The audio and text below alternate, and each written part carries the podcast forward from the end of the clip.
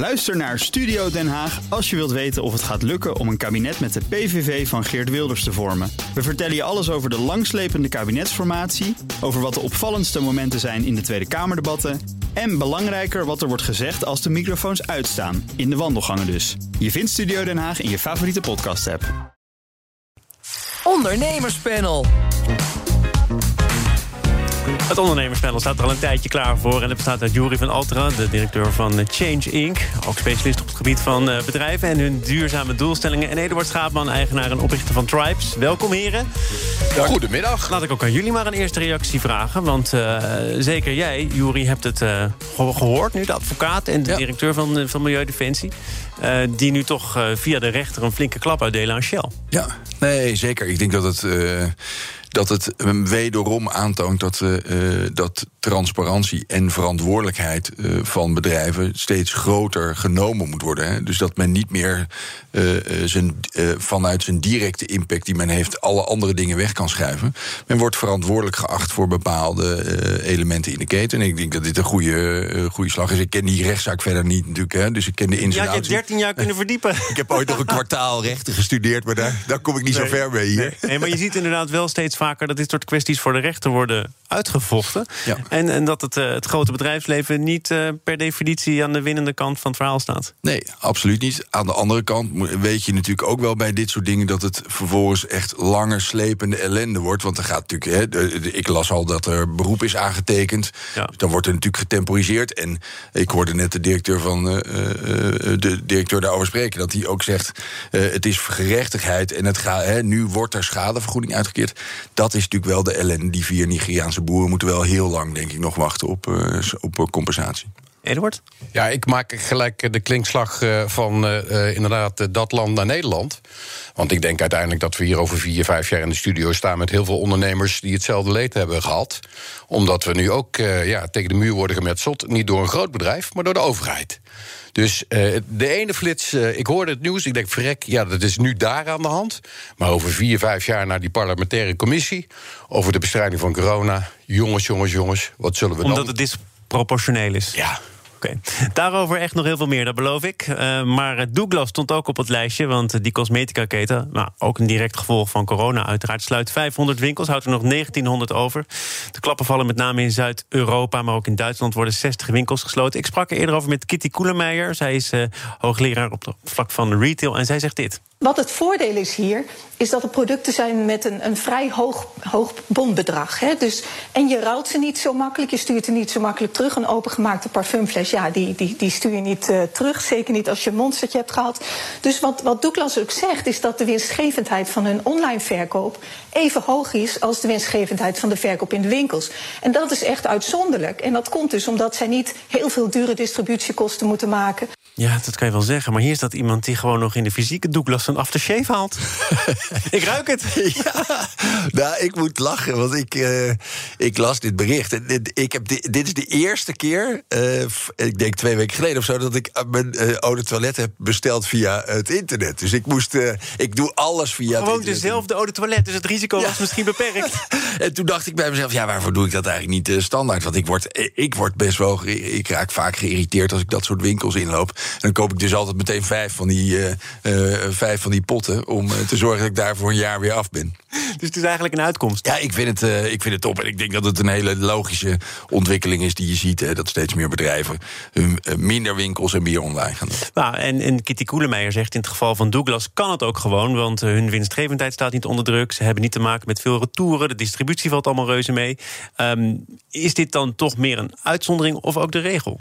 Nee, ik denk uiteindelijk, corona heeft het misschien versneld. Maar ik denk dat uh, dit uh, wel het voorland wordt van de retailwereld. Hè. Ik bedoel, jullie hebben onlangs Ramon Kloostermans van Rituals in de uitzending gehad. En die geeft ook aan, ik doe al veel meer via online. Niet dat ze alles nu al goed maken op het fysiek gebeuren. Maar als je daar die winkel binnenloopt, heb je toch het idee dat ze daar wel enige aandacht aan hebben besteed. Dat klopt, dat klopt. Maar uiteindelijk zie je nu dat steeds meer van deze partijen proberen die beleving ook uh, toch weer terug te verplaatsen op het internet. Uh, uh, dus, dus ik denk dat dit ja, de trend wordt. Hè. Een onderzoek wat gedaan is in de US, is de meeste kopers online voor 70% is onder de 40 jaar. nou ja, die, die, die zitten hier langer op de wereldbol dan de mensen erboven. En het worden grotere aantallen. Dus ja, het is eigenlijk wel allemaal heel erg logisch. En hoe gaat dat allemaal van het distributiecentrum naar onze eigen brievenbus? Ja, dat vind ik dus, de, ja, dat vind ik dus echt iets zorgelijks. Hè? Want ik heb twee hele lieve dochters thuis. En ik zie dat DHL-busje steeds vaker voor de deur staan. En ik denk, daar moeten we een oplossing voor gaan geven. Want uh, we denken dat we duurzaam bezig zijn op die manier. Maar dat is het niet. A, die verpakkingen, veel te veel verpakkingen. En veel te veel vervoer op de weg. Iedereen roept heel Nederland werkt. Nee, het staat vol met DHL-busjes die uh, overal naartoe rijden. En ja, ik, ik weet niet hoe je zoiets moet tackelen. Ik had daar gisteren een hele mooie seminar over. Over bepaalde hubs die je dan in wijken moet gaan bouwen. Maar we moeten qua infrastructuur en qua logistiek daar totaal iets aan gaan veranderen. Want anders heffen we eigenlijk niet de, de problematiek rondom de duurzaamheid op. Nee, zeker. Ik denk dat het heel actueel is. Ik vind het mooi. Je hebt, uh, uh, ik weet dat ik. Kijk, ik denk 15 jaar geleden was ik betrokken bij een initiatief wat nooit van de grond is gekomen... Uh, uh, om de vrachttram in Amsterdam te introduceren. Waarbij je uh, over het spoor van die trams goederen beleverde die stad in... en dan met klein elektrisch vervoer of met, met andere middelen... dat, die last mile, hè, waar het steeds over gaat, kon, kon doen. Nou, dat is nooit gelukt, maar ik denk wel wat je ziet... is dat er, er zullen natuurlijk maatregelen getroffen moeten worden. Niet ik sprak, alleen... Ik sprak Wim Belen maandag ah, ja. van de afvalgroep, het sloopbedrijf... Ja. Die heeft, uh, nou, ik zal het geen hobby noemen, want het was alweer behoorlijk uit de kluiten gelopen. Maar de Amsterdam Logistic Hub hier aan de randen van de stad. Ja. De precieze hectares ben ik uh, vergeten, maar dat gaat om een enorme ruimte waarin allerlei bedrijven hun distributie, hun logistiek gaan regelen. Ja, ik denk dat Wim heeft het. Uh, het is, Wim is een hele slimme ondernemer gebleken de afgelopen jaar, maar hij heeft het heel goed begrepen. Want ik denk dat daar de komende tijd wat gaat gebeuren. Een andere innovatie die ik heel mooi vind, is dat volgens mij is dat Smurf Smurfit Kappa. Die heeft samen met de machinefabriek hebben ze een machine ontwikkeld waarbij niet de goederen in een doos uh, ge, gezet worden, maar de doos om, de, uh, om het goed gemaakt wordt. Dus dat betekent dat er geen niet de loze ruimte met allemaal volgestouwd moet worden met plastic, maar dat de doos zich om het product. Je kan gewoon zien dat je een staafmixer krijgt. Ja. Wauw. Nou, fantastisch. Denk ik misschien ook wel duur. Want er is natuurlijk een reden dat die grote dozen er zijn. Omdat dan alles erin past. Nou ja, wat je ziet, wat Eduard denk terecht aangeeft... je ziet dat er heel veel uh, uh, extra karton en extra plastic gebruikt wordt... om die goederen maar uh, geleverd te krijgen. Want als je heel veel loze ruimte in moet, vol moet stouwen met piepschuim... dan kost dat natuurlijk ook veel geld. Um, Eduard, we gaan ehm, het hebben over een thema dat jou aan het hart gaat. Zaken doen. En dan heb ik het over Eduard Schaapman van Tribes en Jury van Alteren van Change Inc. Um, Gisteren stond in het FD een interview met een vastgoedondernemer uit Dordrecht. Die heeft uh, verschillende miljardenbedrijven failliet verklaard omdat ze hun huur niet betalen. Denk aan het moederbedrijf achter Perry Sport en Easy Paris. Heeft hij nu een paar keer gedaan en hij zegt: Ja, je kunt niet zomaar de pijn die jij leidt op mijn bordje leggen. En als je dat wel doet, dan kom je mee tegen in uh, de rechtszaal. Uh, snap je zijn punt? Ja, absoluut. Maar dan moet je wel even kijken wat hij nog verder meer vertelt. Hij zegt ook, met deze partijen kon ik niet communiceren. Want hij heeft heel veel andere huurders. En daar heeft hij de communicatie mee opgepakt. En de huurders die uh, konden uitleggen waarom ze op dit moment niet konden betalen... die heeft hij ook geholpen. Hè? Dus er zit, er zit, wel een goed verhaal uh, achter zijn manier waarop. Hij bedoel, is betaald in natura door sommige ja, partijen... Ja. die het niet meer konden opbrengen. Ja, dus He? eigenlijk heel positief. Alleen zijn er natuurlijk toch bepaalde grote corporates in de wereld... die denken, never waste a good crisis... en die hier gewoon echt profijt van hebben. En dan uh, zien ze niet uh, de menselijkheid erachter. Die hebben de communicatie niet opgezocht. En als je dan ook niet anders kan, en ik uh, spreek uit ervaring, dan kun je niet anders doen dan op deze manier. Ik bedoel, ik heb aan de andere kant andersom natuurlijk, zoals we ook al eerder hier hebben besproken, zelf een faillissement moeten trekken op een vestiging in, in Brussel. Omdat de Franse eigenaar mij niet te woord wilde staan en helemaal niet wilde spreken. Alle vastgoedeigenaren ben ik mee in gesprek geweest. Ik heb van alles en nog wat kunnen regelen met elkaar. Je doet het met elkaar. En dan kom je er ook uit. Maar als iemand niet wil praten, niet wil communiceren, dan kun je in die end niks meer. Want je wil wel door. Uh, jullie staan hier net nadat Robert Willems het pand heeft verlaten, de voorzitter van Koninklijke Horeca Nederland. Die heeft gereageerd op een uitspraak van vanochtend van de rechter, uh, waarvan de huurbaas zei: Jullie gaan mijn pand uit, want uh, jullie kunnen niet het bedrag betalen dat ik voor ogen heb. Nu heeft de rechter bepaald met 50% is het ook goed. Ja. Ze mogen blijven zitten. Ja, klopt. Wat gaat dit voor gevolgen hebben? Ja, je krijgt natuurlijk wel dat, dat ja, als we niet de communicatie blijven opzoeken, wat in dit geval ook weer niet is gebeurd, dan gaat het niet goed. Hè? Dan gaat inderdaad de overheid het regelen. Zometeen kom je weer met een, niet jij persoonlijk, maar kom je op het moet maatwerk zijn. Ja, het moet maatwerk zijn. Maar wat, wat is dat dan? Gesprek. Uh, het gesprek, ik blijf erbij. Uiteindelijk moet je in gesprek. En ik begrijp ook de, de uitspraak van uh, de rechter in zaken het horeca gebeuren. Want die zitten natuurlijk al de hele tijd op slot. Er komt geen omzet in. Dus ja, dan, als jij het niet kunt bepraten met de vastgoedeigenaar... ja, dan zoek je een weg om toch vooruit te komen. En daar is een rechter voor in Nederland. Ja, nee, ik ben het, uh, ik ben het eens. Wat, wat ik wel vind, ik word, ik word er wel een beetje moe van. Ik ben ook blij dat jij het nieuws van de dag niet hebt gevraagd. Want ik, ik dacht bij mezelf, ik kom gewoon niet meer met dat nieuws van de dag. Want het gaat alleen maar over COVID en corona. En ik vind wel, waar we volgens mij heel erg voor moeten waken... is dat we dit niet ook als een instrument gebruiken... om alles maar dood te gaan reguleren. Of nog meer te over gaan reguleren. Volgens mij moet je gewoon precies wat, uh, wat, we, wat hieruit naar voren komt... op het moment dat je met elkaar zaken doet... en de een heeft het moeilijk... en je doet al jarenlang zaken met diegene... dan moet je die ander ook een beetje proberen te helpen. Uh, uh, op het moment dat je, uh, dat je het zaken doen zo geunanimiseerd hebt als die grote bedrijven... dan weet je dat op het moment dat je er één richting verkeer van maakt... dat er partijen zijn die denken, ik ga je knippen scheren. Ja, maar misschien ga je er één keer uitkomen, misschien twee keer... maar sommige partijen zien elkaar nu voor de derde keer aan tafel... omdat het niet lukt, omdat er geen geld verdiend wordt. Ja, maar, dat, maar zo werkt het volgens mij in het, in het zakenleven. Op het moment dat je er niet uitkomt, kan je naar de rechter... en op het moment dat het dan vervolgens niet werkt... dan houdt een relatie op. Nou ja, zo werkt dat in het leven. Dan moet je uh, even slikken, even uh, uh, je pijn verbijten en weer doorgaan. en daar horen teleurstellingen bij en goede dingen. Maar ik, ik vind dat heel regulier in het, in het zakenleven. Ja, wel één waarschuwing. Op het moment dat je inderdaad failleert dan heb je ongelooflijk veel administratief werk erachteraan. Dus dat is ook weer negatief. Daar moet je voor zijn. Daar moet je eigenlijk voor zijn. Dus dat probeer je door die gesprekken. Maar uiteindelijk, als je niet anders kunt, zul je dat moeten doen. Nou, dan kan ik je vertellen, dan heb je ongelooflijk administratief werk. Terwijl je veel liever je werk wil uh, richten op klantcontact, klantenservices, groei, et cetera, et cetera. Dus dat komt er wel bij. Hè. Faillissement is ook niet niks. Jury waarschuwt voor regulering. Nu is er wel een partij die een voorstel heeft gedaan naar Duits en Spaans voorbeeld om grote vastgoedeigenaren te dwingen met 50% van de huur genoegen te nemen. Vanaf een bepaalde grootte. Uh, Paul Smulters van GroenLinks heeft dat ook uh, toegelicht hier op uh, BNR. Zit daar wat in? Diepe zakken? Ja. Kom dan maar over de brug. Even nadenken wie en welk geld zit er in die grote vastgoedbedrijven? Ons geld, belastinggeld. Niet sorry, pensioengeld. Dus uiteindelijk rolt het balletje weer door. We kunnen allemaal wel roepen, ja, die grote vastgoedbedrijven of die grote private equity bedrijven, daar kunnen we nog meer bij weghalen. Maar waar hebben zij hun geld vandaan gehaald? Bij hele grote pensioenfondsen. Ook de ABP, noem maar op. En wie stortte dat geld in dat pensioenfonds?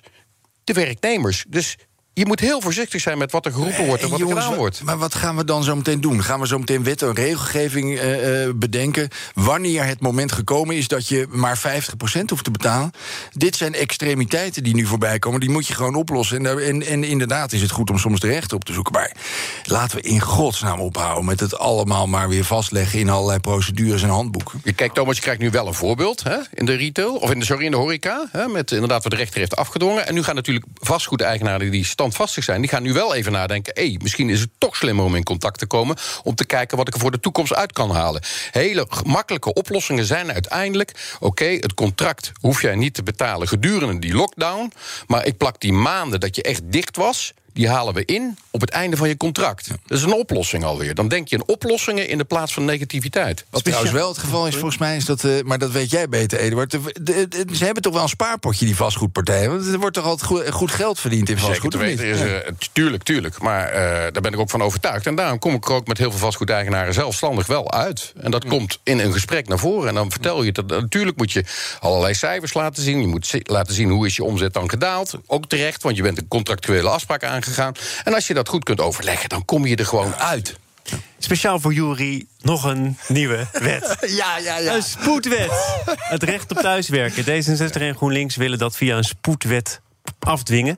Het is onder andere een idee van D66-Kamerlid Steven van Wijberg. We moeten helaas constateren dat het is nog steeds heel druk op de weg. En ook nog steeds in heel veel kantoren waar je prima zou kunnen thuiswerken, gebeurt het niet. Dus hebben wij nu gezegd, Eh, we zetten spoed achter die wet. Die willen we nu echt in een paar weken snel gaan behandelen.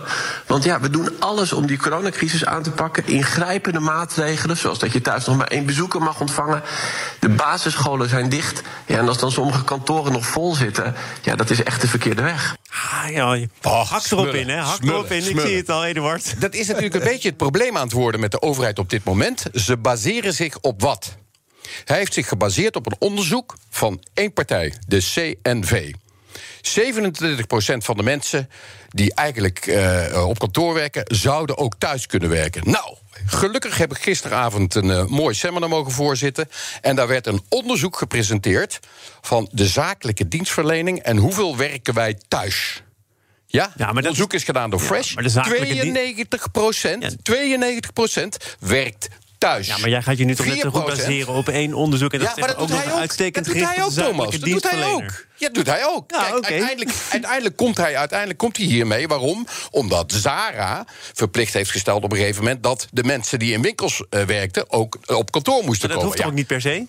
Nee, dat hoeft niet, maar Nee. da- daarom is het aan het rollen gekomen. Nu, weer wordt er een beoordeling gegeven over een geheel... terwijl je moet kijken van hoe zit het nu werkelijk in elkaar. Ik weet natuurlijk als geen ander hoe leeg die kantoren van mij staan. Van al die grote corporates die heel braaf zeggen... jongens, thuiswerken, dat is Ja, maar daar zit, het, daar zit het probleem van meneer Van Wijnberg, denk ik ook niet. Geen Hè? kennis is- heeft hij. Dat oh, is het nog probleem. een veel groter probleem. Nee, maar het is toch volgens mij wel al langer duidelijk... dat de zakelijke dienstverlening in de financiële sector overwegend thuis werkt. En Ja, waarom zegt hij dat dan niet? Nou, omdat hij probeert hier een, een totaler beeld te schetsen... van de hele werkende Ja, maar dat is toch alles wat de politiek doet, alles wat negatief is, pakken ze op. Terwijl ze ook kunnen denken, laten we naar het grote geheel krijgen wat gebeurt er. Overigens, die verplaatsing van het verkeer, waar komt die door? Door de DHL-busjes. Ook. Maar ook alle mensen die gewoon toch nog ergens naartoe kunnen. En die ook op elkaar, met elkaar op bezoek kunnen gaan. Nee, Dus nou. ik, ik, wat ik, waar ik me inderdaad over frustreer... is de, de basis waarop argumentatie wordt gegeven... door overheden, door partijen op dit moment. We hebben hier nu inderdaad weer iets fantastisch... van eh, Sinterklaver en Pieter Baas Jetten. En ik denk van jongens, hou het echt bij je eigen werk... want kijk even wat de overheid doet. GGD's, waar werken die met hun callcenters voor contactonderzoek? Op fysieke ruimtes. De Tweede Kamer, waar werkt die? Fysiek in de Tweede Kamer, terwijl ze het verdomme via Zoom kunnen doen. Nee, ik kan er hier erg even, over want opwinden. Ik, hou nu op. Jij staat ik sta altijd op wat meer afstand. Oh, je staat meestal Thomas. te applaudisseren voor nieuwe wetten en regels. Wat vind je van deze? Nou, eh, eh, kijk, ik, eh, nogmaals, ik geloof niet in, eh, in dit soort wetten. Ik vind, ook dat, eh, ik vind het ook een slecht signaal vanuit de politiek dat men, eh, dat men nu met dit soort dingen komt. Terwijl het, hele, het overgrote deel van de Nederlandse bevolking thuis zit met kinderen en de hele tijd eh, eh, eh, koestert naar, het, naar de mogelijkheden om weer naar kantoor te gaan. Wat het wel is, is dat ik wel natuurlijk, eh, ik, ik merk het zelf ook, is dat ik soms. Eh, eh, eh, merk ik als, als eigenaar van een bedrijf dat ik het heel erg graag zou willen dat mijn mensen bij mij op kantoor zou werken. Nou, nou ben ik dan zo dat ik zeg, nou oké, dat wil ik graag, maar dat doe ik niet. Maar ik denk dat er zeker allerlei bedrijven zijn die zeggen, ik wil dat je verplicht naar kantoor komt. En ik, ik kan me heel goed voorstellen dat sommige mensen daar problemen mee hebben, omdat ze dat niet durven te weigeren en dan vervolgens in de problemen komen. Ja, dan kom je dus op het punt, en dat is de essentie waar volgens mij Eduard het ook over heeft. De essentie is, je bent een volksvertegenwoordiger voor het totale volk en niet voor de uitzondering die de regel bevestigt. Ja, nog één dingetje. Nou, 71% heel kort van de mensen die thuiswerken... is minder gelukkig Kijk maar geworden. even naar de regisseur. Dit kan niet. Regisseur die zegt, dit kan echt niet meer. Ik krijg veel klachten. Het is afgelopen nu met al Het is afgelopen. Eduard Schaapman, het is afgelopen. Jury van Alter, het is afgelopen. Dank voor jullie bijdrage aan het ondernemers.